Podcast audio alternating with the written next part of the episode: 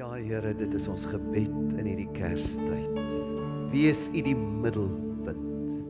Terwyl 'n kultuur dalk vergeet waaroor hierdie feestyd gaan en byna in 'n malle gejaag ontaard, vra ons, help ons om U die middelpunt van ons lewe, van ons gedagtes, van ons vakansie, van ons Kerstyd te verwelkom ook so vir oggend Here as ons ons harte oopmaak vir u woorde is ons gebed dat u daar in die binnekant van ons wese sal kom en regmaak wat moet reg wees. Kom Here praat met ons. Amen. Kerstyd is 'n tyd van saam wees ja 'n paar mense wat hier is wat sekerlik wou ontsnap en sê nee, die vakansiegangers kom en hulle kom nie net winkels toe nie, hulle kom na my huis toe, hulle kom na my tuin toe. Hulle bly in tente en karavane op die grasperk en hulle kindertjies hardloop oor die matte en party het hulle honde saamgebring. Kerstyd is 'n tyd van saam wees. Maar dis ook 'n tyd wanneer ons juis in ons saam wees skielik raak sien. Ek het God se genade nodig in my pad met die mense in my lewe. Ons verhoudingsspasies is ons mees brose spasies van ons lewe. Nou voordat ons van, na vandag se gedeelte in die Kersverhaal kyk, 'n storie in die groot storie. Kom ons dink net eers aan die soort verhoudings waaraan ons waarin ons die Here se genade nodig het. Sosioloë gee vir ons 'n baie duidelike prentjie van die vier spasies waarin ons verhoudings gebeur. As eerstens die publieke spasie. Hulle sê tot dis die mense wat meestal so nie nader as 4 meter kom behalwe by uitsonderlike geleenthede van jou af nie. En dan jy sosiale spasie so van 4 tot 1,3 meter, kan jy dit glo? Dis dit is uh, hoe hulle sien jou lewe het te doen met hoe naby mense aan jou lyf kom. Dan's daar persoonlike spasie vanaf so 1,3 meter na 45 cm. Hulle is hier nader. En natuurlik dan jou intieme spasie vanaf 45 cm tot by omhelsing en aanraking. Kom ons dink net aan hierdie vier soorte verhoudings voordat ons na die Kersverhaal toe gaan. Daardie eerste publieke spasie so 4 meter of verder. Dis waar jy voel jy behoort aan 'n gemeenskap. Hier ken mense my. Jy voel ek ken gesigte, gesigte erken my. Ek ontmoet mense eh, vriendelik, daar's vriendelikheid. Hulle erken, hulle waai. In die begin ken ek dalk nie eens daardie mense se name nie, maar ek voel ek hoort hier. Maar is ook gekoppel aan sekere plekke waar jy die eerste keer kom, byvoorbeeld soos 'n lughawe. Jy voel ek kom hier en ek kom dalk 'n paar keer hiernatoe, nou se in 'n sosiale spasie en eh, ek begin hierdie plek ken. Die sekuriteitswag, 'n supermark waar ek gaan inkopies doen, die vulstasie waar ek brandstof ingooi. Selfs hier by die kerk is dikwels 'n sosiale spasie, 'n publieke eintlik is 'n publieke spasie waar jy 'n eh, dis nie onbelangrike verhoudings nie. Jy het so 'n spasie nodig as dit ware as die begin plek, die die myn die tuin waarin ver, nader verhoudings uh moontlik begin raak. Maar hier ook op hierdie vlak, die publieke spasie, kan ons vir mense sensitief wees, vir hulle omgee en die Here bid, Here, in my algemene omgang in die publiek, selfs daar is ek 'n boodskap. Daar kan ek Christus se sensitiwiteit, uh, sy bewustheid van mense, hulle pyn, selfs mense wat ek nie ken nie, sy liefde uitleef.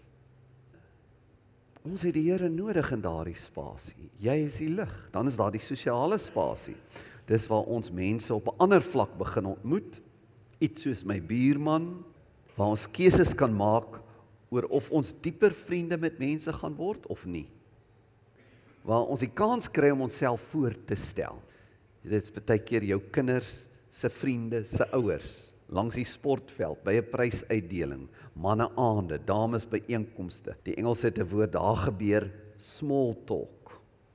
Praat oor die nuus en nou hierdie hofsaak en dan daardie gemeenskaplike belange afhangend van die situasie. As hier begin jy al so jy kan vir iemand selfs 'n guns vra. Sal jy vir my kyk na die honde? Sal jy Dis belangrike verhoudings. As ons dit nie het nie, sal ons nie maklik dieper en kleiner binnekring verhoudinge kan hê nie. Sosiale spasie. Dis baie hartseer. Daai spasie kan jou lewe baie donker maak. As jy in slegte verhoudings met jou buurman is, jy voel hy moenie ons as jy uitloop draai jou kop so, jy kyk nie regs na hierdie buurman toe nie. Uiteindelik kan dit dit kan 'n donkerte in jou lewe veroorsaak. Dan is daar die persoonlike spasie. In hierdie spasie deel ons ons meer private gevoelens. Ons deel ons ervarings en ons gedagtes en idees oor dinge. Hier is ons nader aan 'n vriendekring. Mense wat vir ons dierbaar en belangrik word. Ek ken hulle. Ek kan na hulle verlang as hulle weg is. Ek is hartseer as hulle dood is. Ek's nie net ontstel, het jy gehoor so en so is vermoor of ja, hy is dit nie erg nie. Dis nie net 'n onderwerp vir bespreking nie, dit raak my. Dis meer as kennisse. En hierdie verhoudings, vriendskapsverhoudings, is deel van jou kosbaarste skat wat jy kan hê. En natuurlik, hoe meer kosbare skat is, hoe meer seer kan hy maak? Hoe seerder kan hy maak as dit skeefloop? 'n Mens moet veg om so 'n verhouding nie te verloor nie en jy treur wanneer jy hom wel verloor. Eh, daar is seker vriendskapsverhoudings wat ek verloor het meer as 'n dekade gelede. Ek droom nou nog daarvan. Dis deel van die pyn van my wese en ek vermoed as daar geen bitterheid nie, al is daar geen onmin nie, dat eers in die ewigheid sal daardie wond heel wees. Dis baie erg om met so 'n wond te sit. En is nie die moeite werd om hom te laat gaan as jy dit kan. Ek meen om die die bitterheid of die dispuut te laat woed as jy dit kan verhoed nie. Soms kan jy nie, want dan sit jy met die pyn. Miskien sit hier vanoggend mense wat voel daar's 'n stuk hartseer in in 'n vriendekring of in 'n bietjie verder familie. Jy dra dit saam Jy kan dit vandag na die Here toe bring. En dan is daar natuurlik ons intieme spasie. Hierdie is jou kleinste binnekring. Dis sekerlik heel eerste jou huweliksmaat, daarna jou gesin. En daarna nie jou vriende kring nie, maar daardie paar vertrouelinge.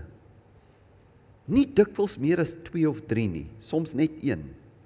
Wat jy as mense beskou met wie jy jou lewe sal vertrou. Dis intimiteit is selfs meer as 'n baie hegte vriendskap. Dis soos daardie een of twee mense met wie jy byna enige iets sal deel en jy weet hulle gaan nie jou wegstoot nie. Daardie persone wat jy sal bel as jy deur jou grootste krisis gaan. En 'n gesonde verhoudingslewe is wanneer jy in al hierdie verhoudings voel die Here help my dat my lewe gesond en nie donker en hartseer is nie. Daar's balans en harmonie in al hierdie verhoudings. Gewoonlik sal jy ook meer sosiale kennis hê en meer publieke ervarings hê natuurlik. So in die publiek sien jy duis, jy sien hierdie dorp, jy voel maar ken Waar ken ek hulle vandaan? Ek loop deur die mall. Ek dit voel of ek honderde mense ken. Hierdie is my plek. Selfs vanoggend toe ek nou staan, ek is altyd vroeg hier, toe ek die motor sien inry, sien ek die gesigte. Nou ons het 'n groot gemeente. Ek ken nie 10% van die name nie. Maar toe die motors inry, sien ek maar 'n groot deel van vandag se gehoor. Hulle is nie ons mense nie. Ek sien dit aan jou gesig en aan jou nommerplaat. Jy hoort hier. Maar jy kry daai aanvoeling al ken jy nie 'n persoon nie, jy begin voel ja, ek weet van hom.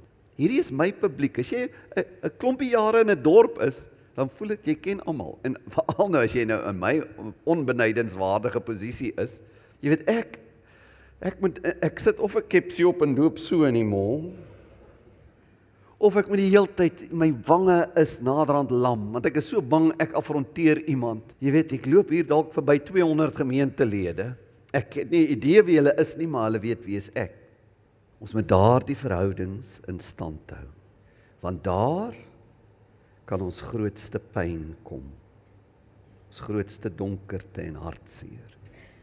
En die uitnodiging aan jou is ver oggend om jou verhoudings na die Christus wat vir jou gebore is te bring.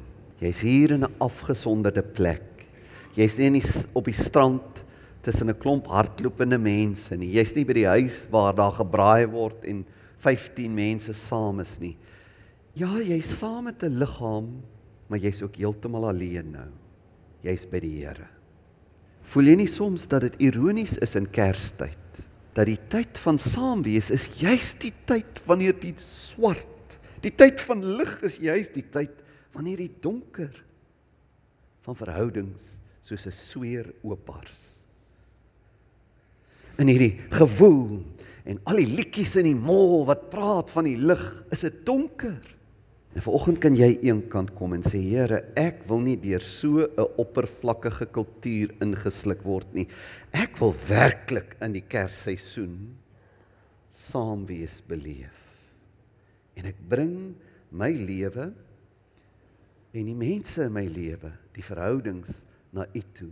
Help my Here dat ek nie deur 'n Kerstyd gaan en al die liggies sien en al die liedjies hoor en al hoe eensamer of donkerder begin voel nie.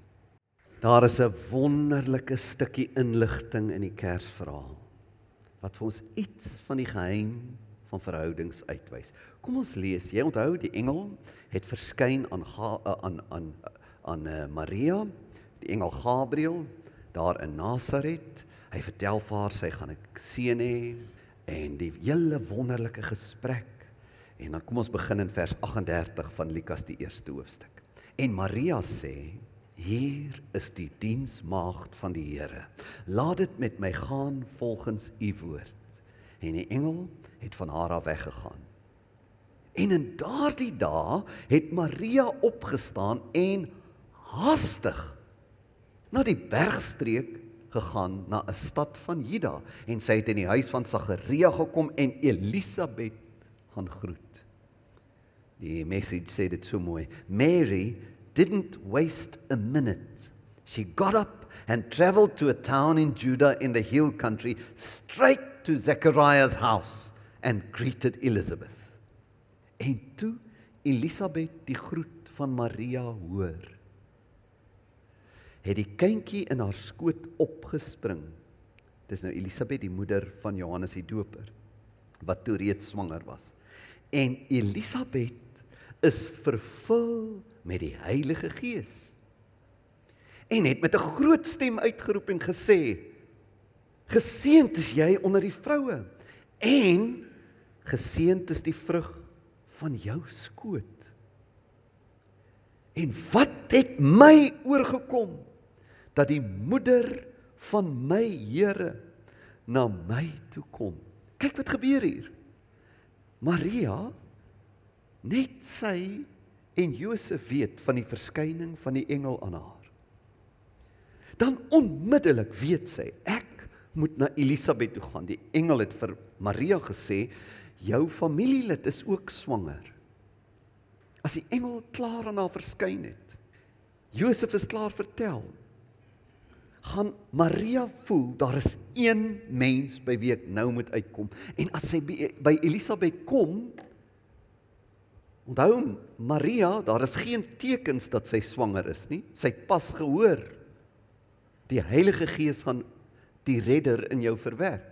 Maar as Elisabet haar sien, deur 'n bonatuurlike insig, sê sy die woorde: Geseënd is jy onder die vroue en geseënd is die vrug van jou skoot. Sy weet God het iets gedoen. En wat het my oorgekom dat die moeder van my Here na my toe kom voordat enige iemand behalwe Maria en Josef weet van die engel se belofte is daar 'n vrou wat sê ek weet binne in jou is my Here. Wat 'n ervaring. En want kyk toe die geluid van jou groet in my ore klink, het die kindjie in my skoot van vreugde opgespring. Die Skepper was binne in sy skepping, binne in die baarmoeder van 'n vrou, maar reeds is sy effek so geweldig dat Johannes die Doper voel God is naby my. En salig is sy wat geglo het, want die dinge wat deur die Here aan haar gesê is, sal vervul word. Wat 'n ontmoeting. Lukas gaan verder en dan sê hy Maria toe vir 3 maande net daar gebly by Elisabet waar sy 'n gees genoot het. Ek weet dit is 'n storie binne 'n storie, dis nie die hoofstorie nie, maar God se stories is so ryk dat soms is hierdie weggesteekte stories wat ek nodig het en wat jy nodig het.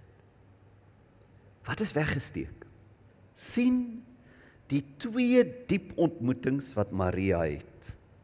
Een ontmoeting alleen met God. God ontmoet haar deur die engel Gabriël te stuur. Alleen op 'n heilige eenkant plek. En dan vanuit hierdie ontmoeting vertrek sy onmiddellik om met Elisabet te ontmoet. En hier vind ons een van die groot geheime van die lewe en van verhoudings. En dis kom jy dalk volgend hier is om hier in 'n sin in die alleenheid na te dink wat gebeur in my ontmoetings waar ek nie alleen is nie alleen ontmoetings met God help ons dat ons ontmoetings met mense heel en heilig sal wees. Ons almal weet dit. Verhoudings is nie speletjies nie. Of dit met jou vriende, jou kinders, jou ouers, jou kollegas, jou oupas, jou oumas, jou onderwysers, jou ou, jou meisie, jou baas, Die dame wat in jou huis werk of in jou tuin of jou predikant, jou bouer of jou dokter, jou pasiënt of jou kliënt is verhoudings. Daar is die groot uitdaging en die groot vreugde van die lewe. Ons is oorspronklik geskep met 'n met 'n edel, onbederfde behoefte na verhoudings. Ons was heel met die wete die Here het my geskep, hy het my gemaak om onvoorwaardelike liefde te gee en te ontvang en hy sal my altyd help om dit te kan doen. Maar ons, nie een van ons is so heel as wat God die mens in die begin gemaak het nie.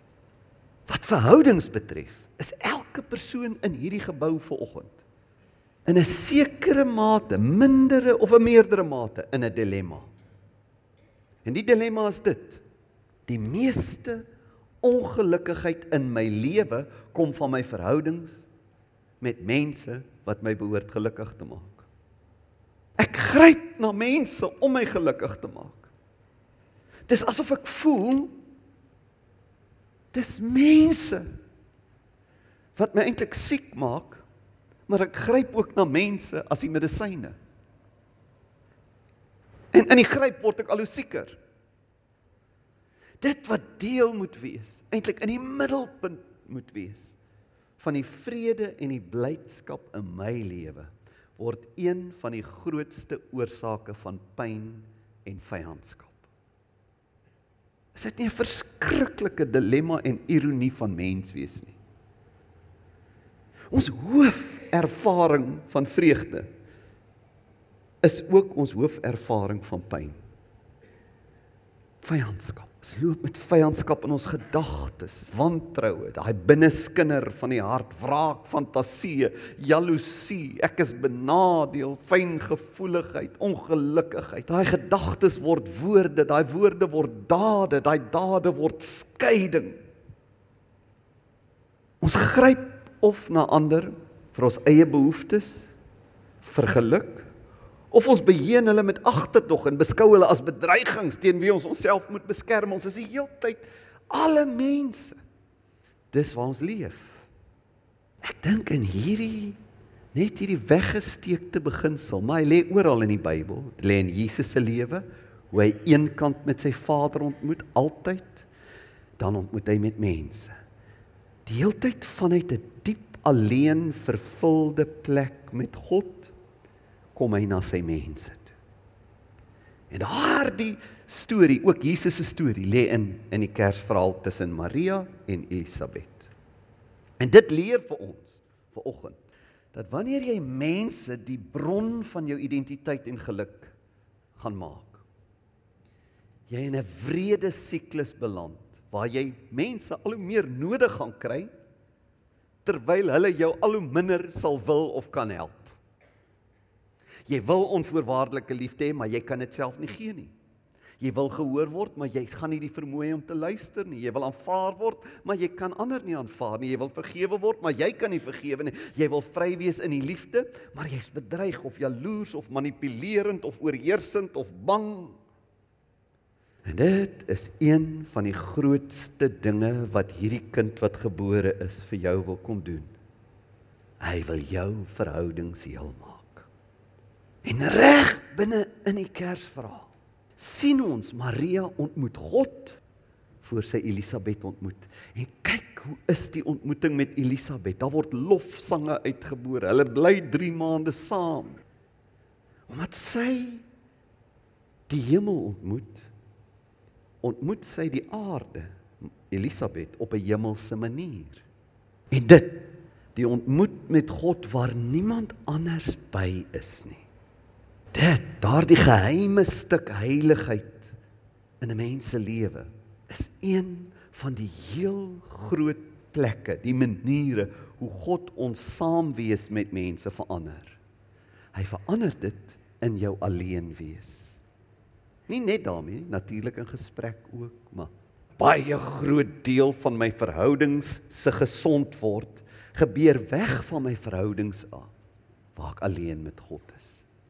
Ek wil hê ons moet in die laaste paar oomblikke van hierdie diens kyk.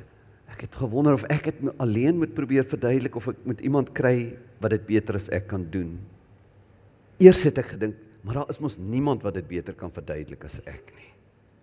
Maar ek dink ek was verkeerd.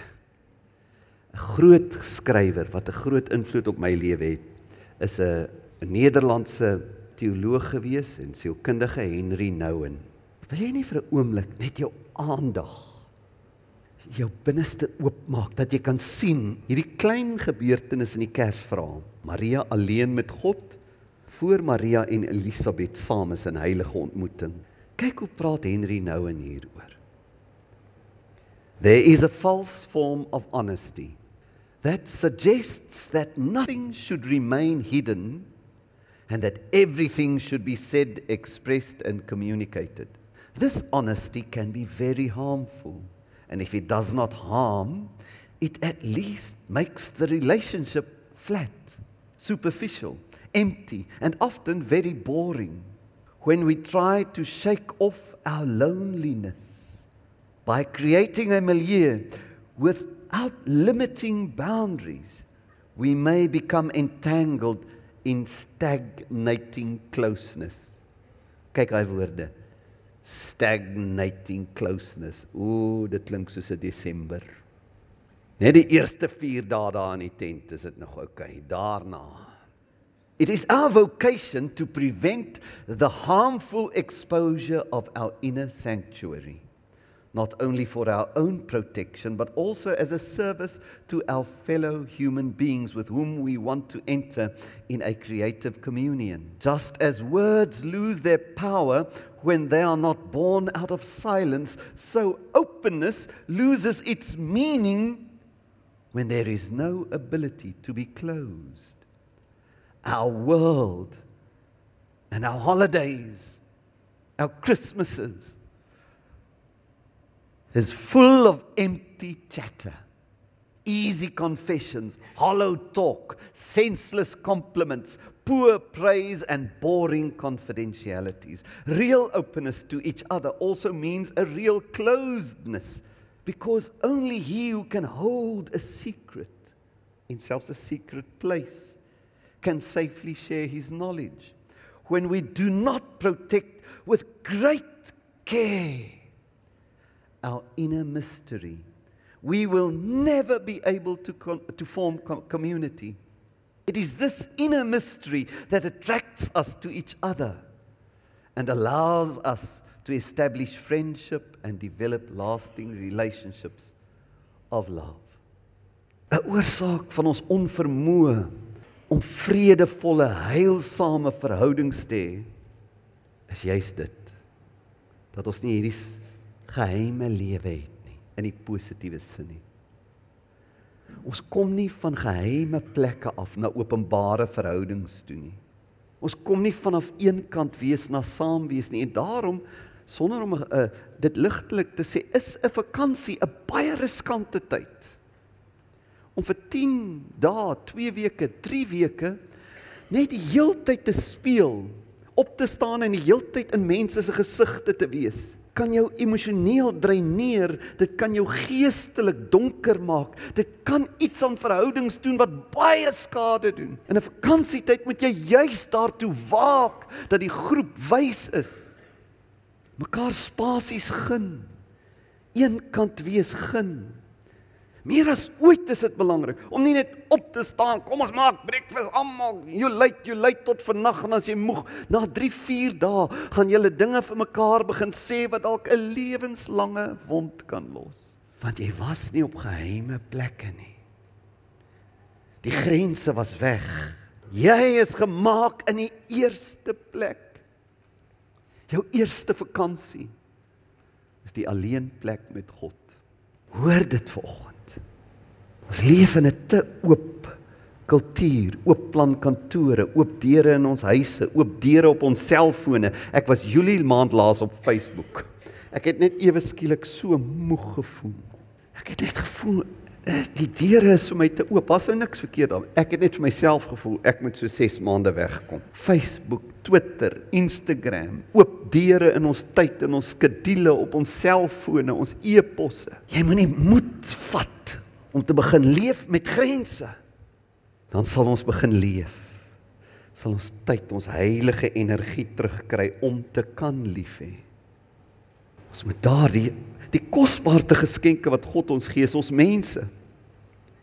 Maar die paradoks is om daai kosbare geskenk te behou, moet jy die geskenk eenkant sit. Alle mense kan nie jou diep vriende wees nie. Jy kan nie vir almal ja sê nie. Jy moet onderskei watter mense laat jy in watter spasies van jou lewe toe. Jy moet begin onderskei wat sê God, watter rol speel sekere mense in my lewe? Ja, daar sal sekere mense wees wat my nodig het, wat maar altyd halfsoort van van my kruis sal wees.